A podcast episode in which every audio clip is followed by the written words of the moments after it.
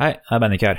Før vi begynner ukens episode, vil jeg bare si at vi har tukla litt med podkast-feed-innstillingene våre. Det førte til at mange som abonnerte, har mistet abonnementet sitt. De må i så fall abonnere på nytt på oss via iTunes eller saltklypa.no. Hvis du får denne episoden rett ned i podkastapplikasjonen din, så er alt ok. Hvis du ikke har fått denne episoden automatisk lastet ned, og der lurer jeg litt på hvordan du hørte om den eller hører på den, men den om det, ta gjerne en tur inn på iTunes og abonner på nytt. Hvis du kjenner til noen som du vet har hørt på podkasten tidligere, sjekk gjerne med de at de fremdeles får episoder. Det var alt. Nå videre til episoden.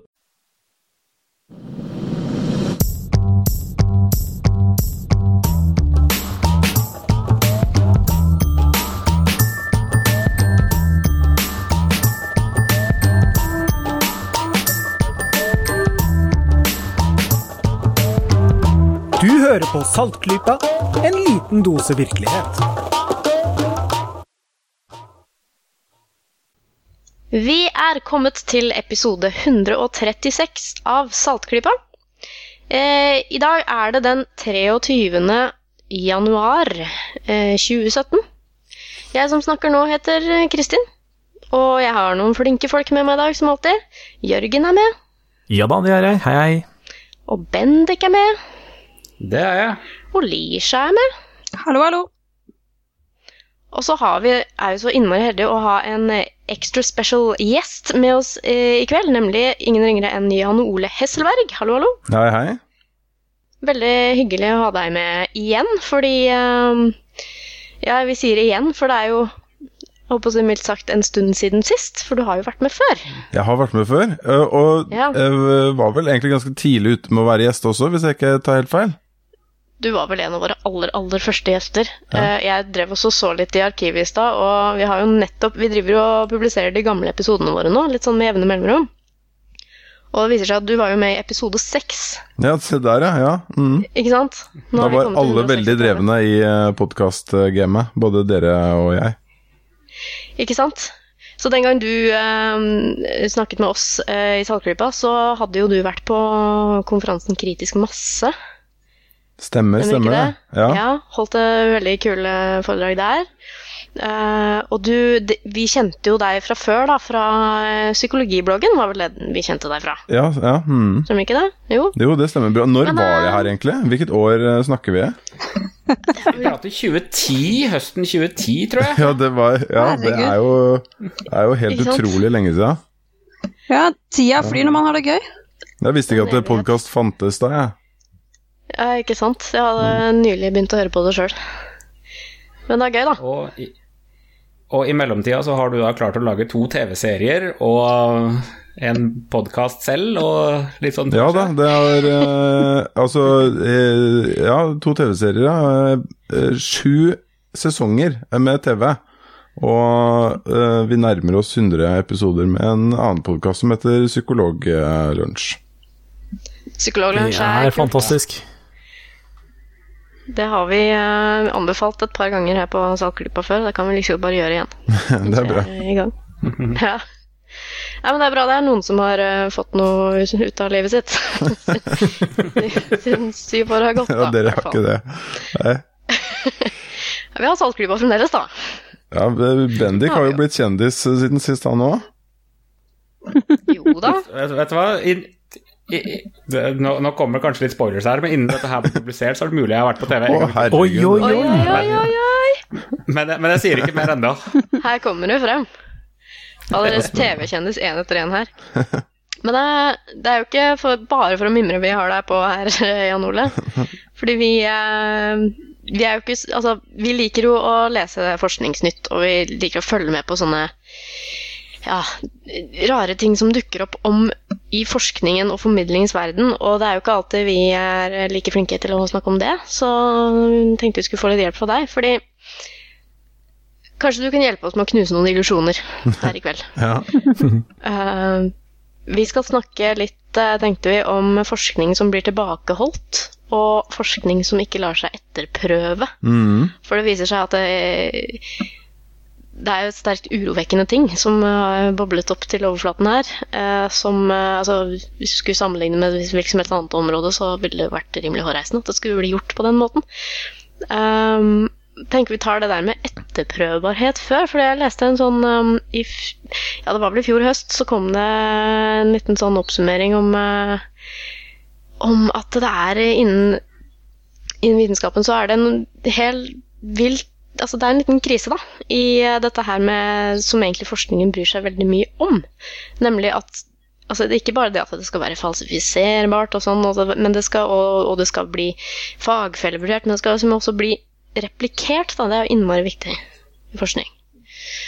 Og så viser det seg at da, spesielt innen uh, ditt felt, psykologi, så er det et par uh, skikkelig blemmer som har kommet opp uh, de siste årene. Og det leste vi på eh, Det er en sånn formidlingsside som heter Science Alert på nettet. Eh, og da drar de frem spesielt to ganske store, nesten litt sånn klassiske studier i psykologien. Som eh, de har liksom prøvd å Kanskje vi skal liksom ta og prøve å replikere dem en gang til, bare for moro skyld. Mm. Selv om de er liksom klassikere. Og så har vi funnet ut at Ja, hva var det de egentlig fant ut?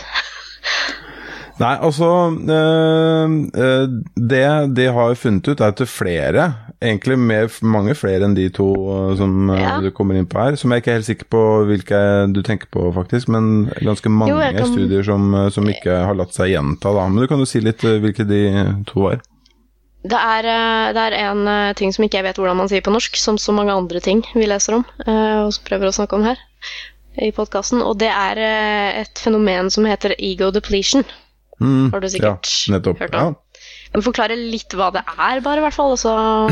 Nei, altså det, ja. det er uh, sikkert ganske mange som har hørt om uh, viljestyrke beskrevet litt som en muskel. Uh, det har vært mye snakk om det, og jeg er en av de som har snakket om det også, faktisk. Det baserer seg på mm. forskning til en veldig kjent psykolog som heter Roy Baumeister, som gjorde noen studier som viste det at når du bruker uh, viljestyrken din, eller når du må utvise uh, motstand mot impulsene dine, uh, når du må sitte og stirre på et kakefat og ikke få lov til å forsyne deg, så blir du Uh, sliten, da blir egoet ditt, eller viljestyrken din, litt uh, sliten. Uh, og går tom, da. Depletion betyr jo, betyr jo det.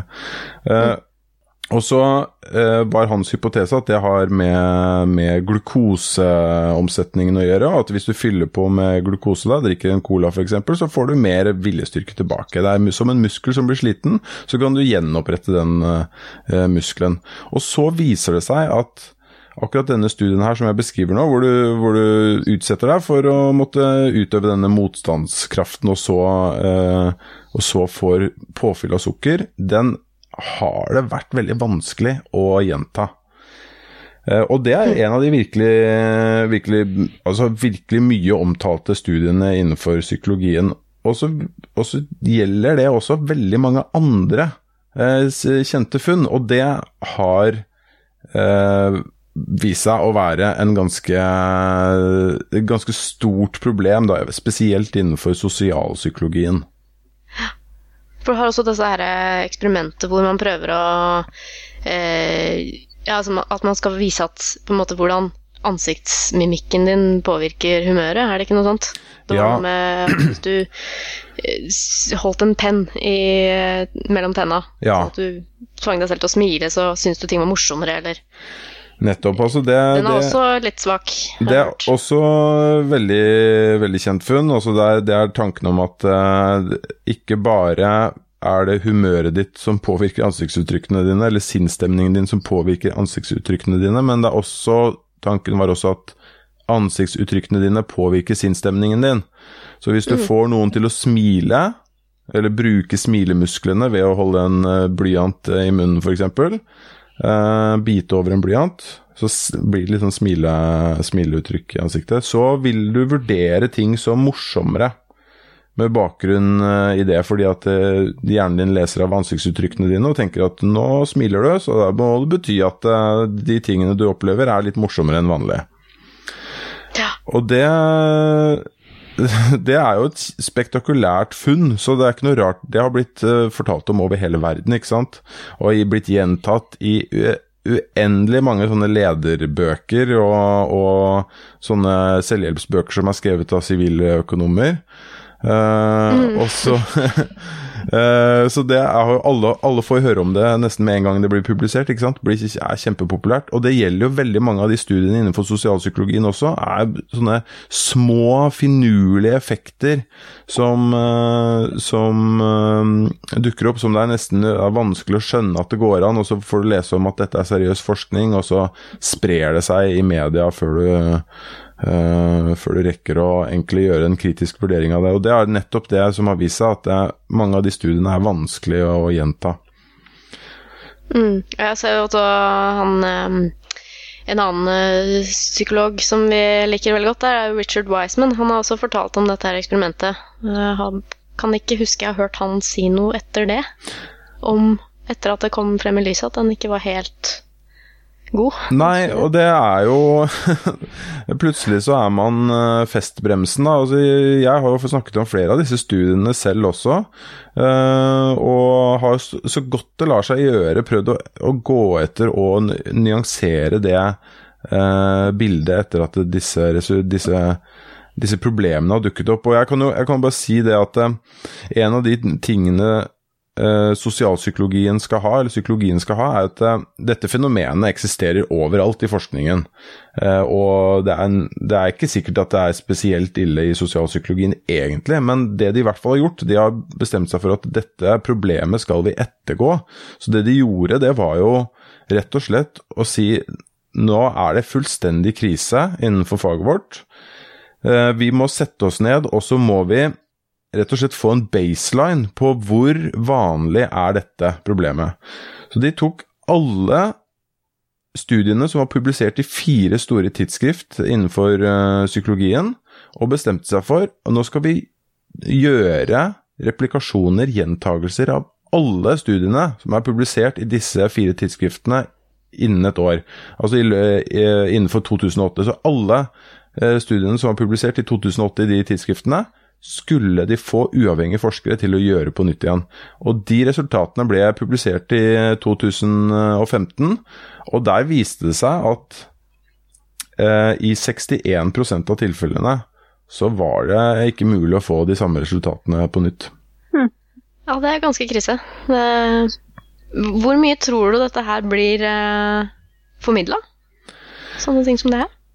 Det er ganske mye fokus uh, på det nå, men, men uh, litt av problemet med dette, med dette er jo at uh, vitenskapen er, er, rigget litt på feil måte, da. Det er ikke, det, du, blir ikke du blir ikke honorert for å gjøre sånne replikasjoner, som er veldig, veldig viktig. Du blir Du bygger ikke noe forskerkarriere på å gjøre det. Uh, og i tillegg så, så er det sånn at du, du, belønnes litt sånn ekstra godt, kanskje, for å få nye og spennende funn som får mye omtale, og som sørger for at uh, universitetet du jobber ved også får kanskje flere midler. Det er lettere å få midler til forskningsprosjektene dine. Så dette det, det, bygger opp under det man gjerne kaller for sånn for P, fisking etter P-verdier og og harking, som man kaller det. Altså at man, at man leter etter sammen man har et datasett og har gjort noen undersøkelser, og så leter man etter massevis av sammenhenger, og så finner man en sammenheng som kan være der helt tilfeldig, og så sier mm. man det var det jeg trodde hele tida. Ja, det var det som var hypotesen min, at det skulle være sammenhengen. Og så dropper jeg å si at jeg har lett etter en hel haug med andre ting. Um, og det, det, gjør jo at du ender opp med å publisere resultater som uh, har veldig stor sannsynlighet for å bare være et resultat av uh, tilfeldigheter. Og der uh, kommer vi jo litt inn på den andre tingen jeg vil lure litt på. Det er fordi også i fjor høst så skrev du et innlegg i Dagbladet. Uh, som da Altså det yrket du har nå, som ikke du hadde sist vi snakket med deg. Nemlig du er jo faktisk fagsjef i noe som heter Ekstrastiftelsen. Kan du bare si noen ord om hva Ekstrastiftelsen er, og hva dere driver med? Altså, Ekstrastiftelsen, det er uh, Taglinen er at uh, vi er frivillighetens egen stiftelse. Altså frivillig helseinnsatsens egen stiftelse. Den ble startet uh, av Kreftforeningen, Blindeforbundet og Nasjonalforeningen for folkehelsen. De startet da et spill som skulle samle inn penger til, til helseformål. Så i dag så får vi et andel av overskuddet til Norsk Tipping, som vi deler ut til helseforskning og til helseprosjekt. Så det er, Ekstrastiftelsen er en ganske stor forskningsfinansiør da, i Norge. Ja, det er jo kjempebra arbeid, altså. Og det du eh, da skrev i Dagbladet i fjor høst, det var litt om eh, eh, Altså, du skrev litt om sånn, såkalt sånn hjernegymnastikk-apper på mobil og sånn, og hvordan det faktisk ikke kanskje funker sånn som de er eh, reklamert for. Mm. Og det du skulle frem til, da, at det var eh, Innen helseforskning så er det innmari lite som faktisk blir publisert. Eh, Sammenligna med hvor mye, hvor mye, resultater som har kommet frem, da. Og det er, eh, det er det som vi kaller for publiseringsskjevhet, eller publication bias. Og det, det, har jo vi hørt om, i hvert fall vi som er litt sånn nerdete opptatt av sånne ting, uh, i noen år. Blitt, uh, jeg husker Ben Goldacre har jo vært veldig sånn i bresjen for å få dette her ut og vise hvor krise det er. Og du skriver at rundt halvparten av all helseforskning blir faktisk ikke publisert. Og det har vel noe med at det kanskje ikke er så veldig morsomme resultater, da, eller? Ja, altså det er flere grunner til, eh, til, det, men eh, bare for å understreke det, så rundt halvparten det er flere undersøkelser som viser det innenfor forskjellige områder innenfor helseforskningen. At det er ca. halvparten av eh, de studiene som, som igangsettes, som ikke en, Som vi ikke får høre om mer. Så vi, vi vet ikke hva som har skjedd med de. Uh, uh, så det er, det er, samlet inn Det er satt i gang forskning på mennesker, og så, og så, man, så vet man ikke helt hva som har skjedd. Og det er, det er, mange grunner til det. Det kan, det kan, være sånn som vi var inne på, altså resultater som ikke løfter forskerkarrierer. Hvis man har eh, gjort noen studier da, på, innenfor sosialpsykologien eller andre, andre områder, og så får man et veldig lite spektakulært resultat. Noe som var helt uh, ventet, uh, eller som, som, ikke var, uh, som, ikke var, i tråd med hypotesen. Og så, og så orker ikke da forskeren å gå gjennom alt det arbeidet det er å skrive en artikkel som skal fagfelle eller vurderes av andre. Det er veldig mye Det tar jo ganske lang tid å skrive en sånn artikkel, så da er det bedre å bare droppe Eh, den forskningen, droppe resultatene og begynne å fortsette på ny forskning. Det kan være en av årsakene. Eller så kan det være at eh, et firma har forsket på et produkt som de har tenkt til å selge, og så viser det seg at det, det funka ikke helt så bra som de eh, trodde. Og da kan det jo være gode finansielle argumenter for å kanskje dysse ned resultatene litt og, og jeg håper på at man kan få noe ut av å lansere produktet likevel, da. Og det, det også, finnes det også eksempler på. Eller så kan det være helt legitime grunner til at man avslutter, uh, avslutter forskningen. Og det er, det er f.eks. at man hadde planlagt å rekruttere 200 pasienter til en test, og så får man bare tak i tre. Uh, og da gir det ingen mening ja. å, å, å, egentlig begynne på studiet. Og begynne på det eksperimentet. Det som, det som er problemet, det er jo at uh, når, hvis, hvis, alle disse forskjellige årsakene fører til at man skrinlegger det, så aner vi ingen verdens ting om den halvparten. Det blir bare en halvpart, og vi vet veldig godt at den halvparten den er ikke representativ, den er ikke tilfeldig valgt ut. Så vi sitter igjen med en annen halvpart som er et veldig skjevt bilde av uh, hvordan verden henger sammen. Det blir som at jeg kastet uh, mynt uh, og kron 100 ganger, og så viser jeg dere bare halvparten av gangene. Og kan, da kan jeg få dere til å tro alt mulig rart om den mynten jeg kaster. Så det er Jeg, jeg har Altså jeg føler at dette er hvis, folk bare skjønner omfanget av det, og hvor utrolig mye det hindrer oss i utviklingen av, eh, av vitenskap, altså helse, i utviklingen av tiltak og behandlinger innenfor helseområdet, så hadde, hadde folk vært litt mer forbanna enn det de, de, de er, tror jeg. Det er jeg ganske sikker på. Ja, for veldig mye av det vi prater om eh, vanligvis, det er jo eh, forskningsrapportering i mediene om at eh, de har ufullstendige eller dårlige rapporter. Det er særlig én ny studie som viser et eller annet nytt og uventa, og så blir det blåst opp med krigstyper i avisene, og så viser det seg at det var et midlertidig studium som et studie, unnskyld, som ikke var stort verdt, og nye oppfølginger viser at det var helt irrelevant. Så da er vi jo stadig innom å diskutere her. Men her er det jo ikke snakk om hva som rapporteres i media, men rett og slett at det ikke når fram til andre forskere i det hele tatt. Ja. Og det er liksom den store krisen her. Ja, virkelig. Altså, det når ikke fram til andre forskere. Det når ikke fram til deg. Det når ikke fram til fastlegen din. Altså, det når ikke fram til noen. Og, eh,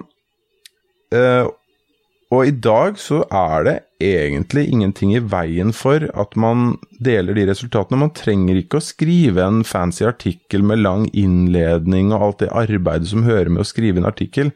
Vi trenger bare tilgang på de resultatene du har fått, og hva som skjedde med studiet ditt. Altså, hvis du ikke har fått rekruttert folk, ja, men da må vi vite om det. Man kan ikke bare la det være opp til forskeren selv å bestemme hva som skal skje med det prosjektet du satte i gang. Fordi dette er stort sett altså prosjekter som er offentlig finansierte, og uansett om de er offentlig finansierte eller ikke, så er de det er offentlighetens, i offentlighetens interesse å få, få, tilgang på disse dataene på en eller annen måte. Så det, altså om 20 år så er jeg helt overbevist om at vi kommer til å se tilbake på den perioden vi står i nå, og tenke er det mulig? Hva, fantes det virkelig en tid hvor vi aksepterte at, uh, at man kunne drive uh, helseforskning på mennesker av kjøtt og blod, som man gir behandlinger. Uh, at vi aksepterte at vi lot det skje på den måten. Ja, Hvis da ikke det postfaktuelle samfunnet har tatt helt over, da. ja, det, det er noen strømninger som åpenbart ikke er sånn kjempeinteressert i, i god forskning er. Ja, vi har prata et par ganger i det siste, og det har opptatt oss litt. Dette her med eh, at vi ikke helt skjønner hvordan, hvordan liksom folk kan godta sånt. da. At fakta sitter så langt inne hos folk. Altså hvordan man liksom Hvorfor er det ikke kult å liksom, Hvorfor er det ikke kult å tro på det som er sant, mm. tenker vi da. Og det kan være litt sånn avsluttende spørsmål.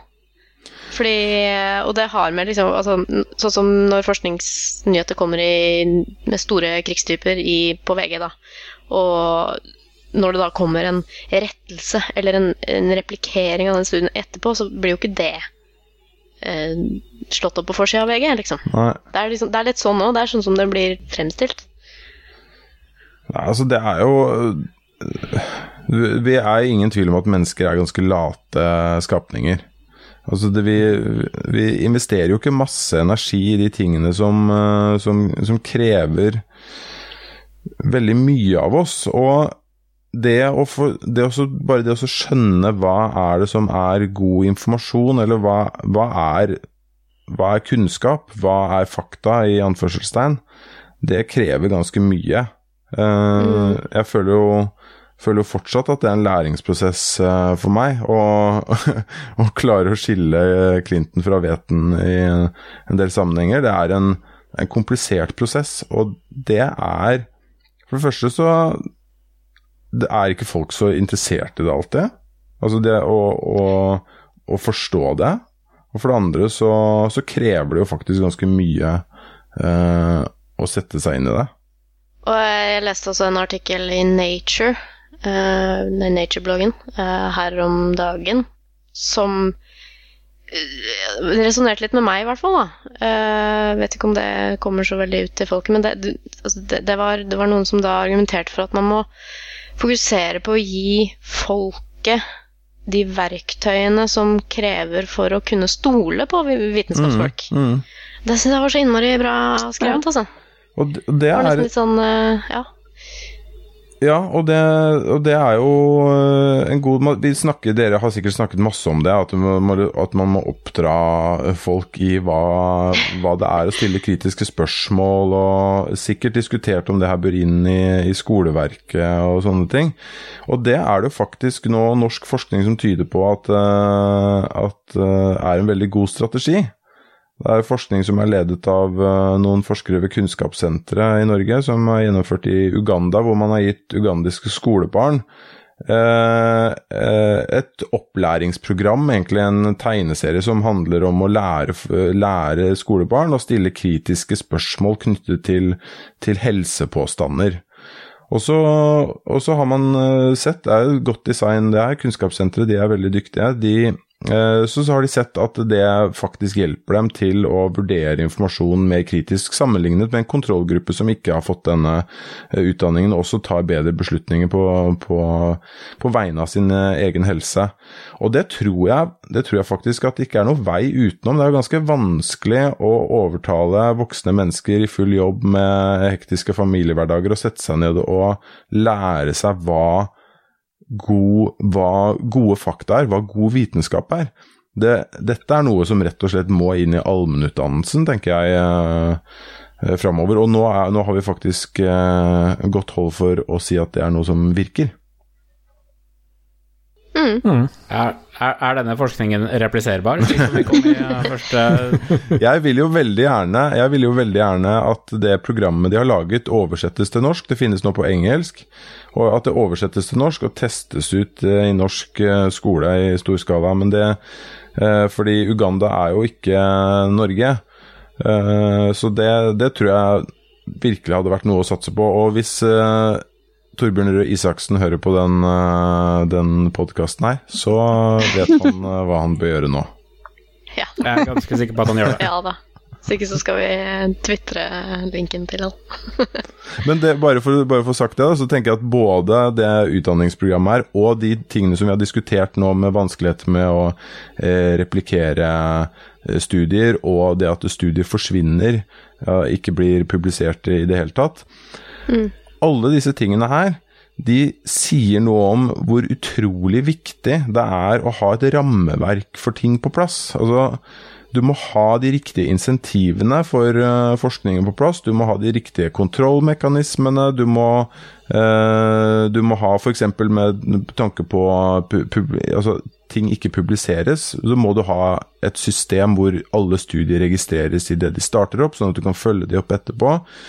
Så rammene må være på plass for at man skal kunne gjøre dette på en, eh, på en god måte, og det er det altfor få som eh, fokuserer på, i mine øyne. Det er ikke spesielt sexy for politikere å eh, kjempe for eh, mer byråkrati innenfor for forskningen, fordi at uh, det man da kan høste eh, mer kunnskap om 20 år, det er ikke, det er ikke politikermat. Og det er veldig, veldig synd, for det er faktisk akkurat det vi trenger. Ja, det er supert. Eh, Så hvis vi kan oppsummere, så er det Det er litt krise, og det har vært det i noen år, men eh, folk ønsker å gjøre noe med det, og du er eh, relativt optimistisk, kan vi si det sånn? Ja, det, det er såpass eh, Det er nok fokus på det i fagmiljøene, i hvert fall. Og blant Ja. de som beslutter, altså Se på de som sitter i Forskningsrådet og i, i Folkehelseinstituttet. og Det er jo det er oppegående folk som er klar over disse problemstillingene, og som, eh, som Det går jo på bekostning av kunnskapen. Man, man høster dårligere kunnskap pga. dette. Og, så de miljøene tror jeg nok vil være med å drive fram denne uh, denne prosessen. Og vi samlet jo inn underskrifter vi til en kampanje som denne Ben Goldaker var med på å starte.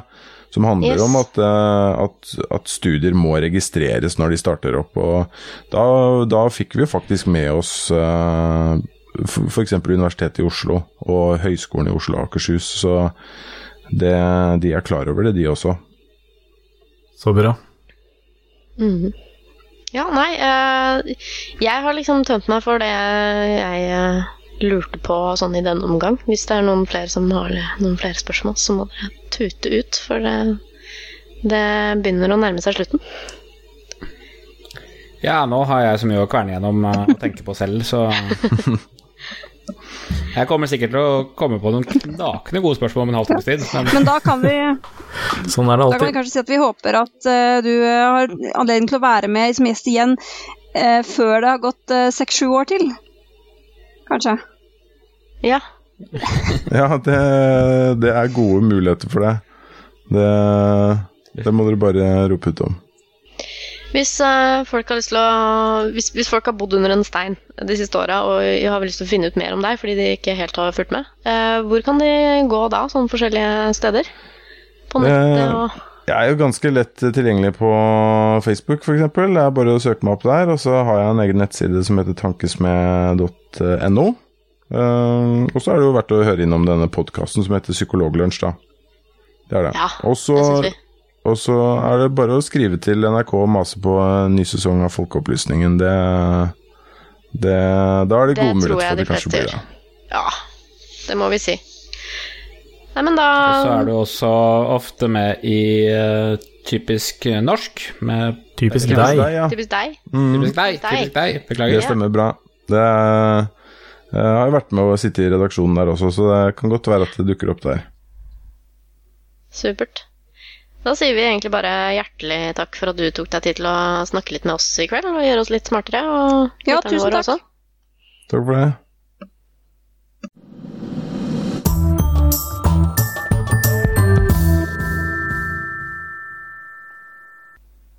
er vi vel egentlig kommet eh, til veis ende. Vi skal ha noen anbefalinger. Eh, som vi pratet med Jan Ole om, så vil vi jo selvfølgelig nok en gang anbefale den eksellente podkasten han og et par kollegaer eh, driver med, nemlig Psykologlunsj, for den som ikke har fått med seg den. Veldig kul eh, prat om aktuell forskning og sånn innen psykologifaget og annet. Um, så den skal vi linke til. Og så er det noen andre anbefalinger her, kanskje? Vi har, eh, har enda en podkast å anbefale, jeg. Ikke Uverden. Jørgen, altså? Aldri en uke uten, uten podkastanbefaling her fra oss, altså. Eh, nei, jeg ble, jeg ble tipset uh, om en uh, ny norsk uh, podkast. Den Yes. heter Tåkeprat. Tåkeprat. Staves med to a-er, så takeprat. Takeprat. En podkast som liker å ta for seg de uh, litt eh, okkulte og spenstige tingene i samfunnet. Blant de første par episodene så er vi innom eh, demonbesettelser, Steinerskolen, og for så vidt også linken mellom de. Ja, men da skal jeg høre på den, da. Ja. Ja, Sånt liker vi. Uh, og den uh, lages bare av en enkelt uh, fyr som heter Even. Uh, jeg vet ikke hvor i landet han er fra, men uh, til han om det. Han er, er nå i hvert fall på lufta. Det er jo fint. Han er på lufta, yeah. eh, og jeg synes at det er en veldig god og interessant uh, podkast. Han tar for seg eh, mange diverse temaer, alle litt sånn på skyggesiden av samfunnet. Ja ja, da er det enda en, da. Enda en til biblioteket mitt. Enda en til biblioteket. Yes. Disse her er ganske korte, og, eller kortere enn våre i hvert fall, og, og litt mer bite-sized, så han holder seg på ett tema av gangen. Men uh, Inspirerende. nei, jeg skal ikke, skal ikke spoile så mye mer av det, annet enn at eh, han eh, velger gode temaer og har uh, researcha dem godt. Ja. ja, da har jeg en til jeg må høre på. ja. Mm, vi har det fælt. Ja, jeg ligger nå to og en halv måned bak skjema fordi jeg ikke kommer gjennom alt. Jeg tenkte bare, mens jeg husker det, at eh, vi også skulle linke til eh, episode seks fra arkivet vårt, som ikke kom ut for så veldig lenge siden. Men eh, hvis noen har gått glipp av det, for der snakket vi jo selvfølgelig for første gang med Jan Ole. Eh, Da snakket vi om cold reading. Det er jo et kjent tema for oss som liker å kritisk tenkning og rare fenomener i hjernen til folk. Mm. Så den, den skal vi også linke til, tenkte jeg. Bra. Er vi ferdige, da? For denne gang? er ferdig for i dag. Ja, greit. Da slutter vi, da. Eh, Ja. Vi håper at eh, du likte å høre på oss. Og hvis du har, eh, hvis du har noen tips om andre sånne smarte, skikkelig kule folk som vi eh, kan snakke med fremover, så vil vi veldig gjerne høre det fra deg. Kanskje hvis du er smart selv. Kanskje du har lyst til å snakke med oss. Hvem vet? I hvert fall Vi har eh, ingen smarte lyttere. ja, vi, altså, vi liker jo å snakke om eh, altså, Vi liker å snakke om mye rart, men det er ikke alltid vi har liksom, den store kapasiteten til å liksom, komme med noe fornuftig om det. Så vi tar imot uh, tips om uh, både linker til ting vi kan lese, og folk vi kan snakke med, og alt sånne ting. Og så tar vi selvfølgelig som alltid imot eh, ris og ros og konstruktiv kritikk og sjokolade, hvis dere vil ha adressen. Men eh, Så da tenkte jeg vi avslutter der. Episode 136 er et faktum. Wow. Woohoo. Og da eh, snakkes vi vel igjen om eh, et par ukers tid, som, som vi Yep. prøver å få til, alltid. Gjerne det. Ja, Da gjenstår det bare for oss å si Ha det så bra. ha det på badet. ja det er bra. Gamle sjokolade. Saltklypa lages av Kristin Lisha, Jørgen og Bendik. Har du spørsmål, anbefalinger, ris eller ros, send det til post at saltklypa.no, eller finn oss på Facebook. Lenker til alt vi har snakket om i episoden finner du på saltklypa.no, hvor du også kan abonnere på podkasten for å få hver episode levert på døra helt gratis. Takk til Smart 9000 fra Evig poesi som har laget kjenningsmelodien vår.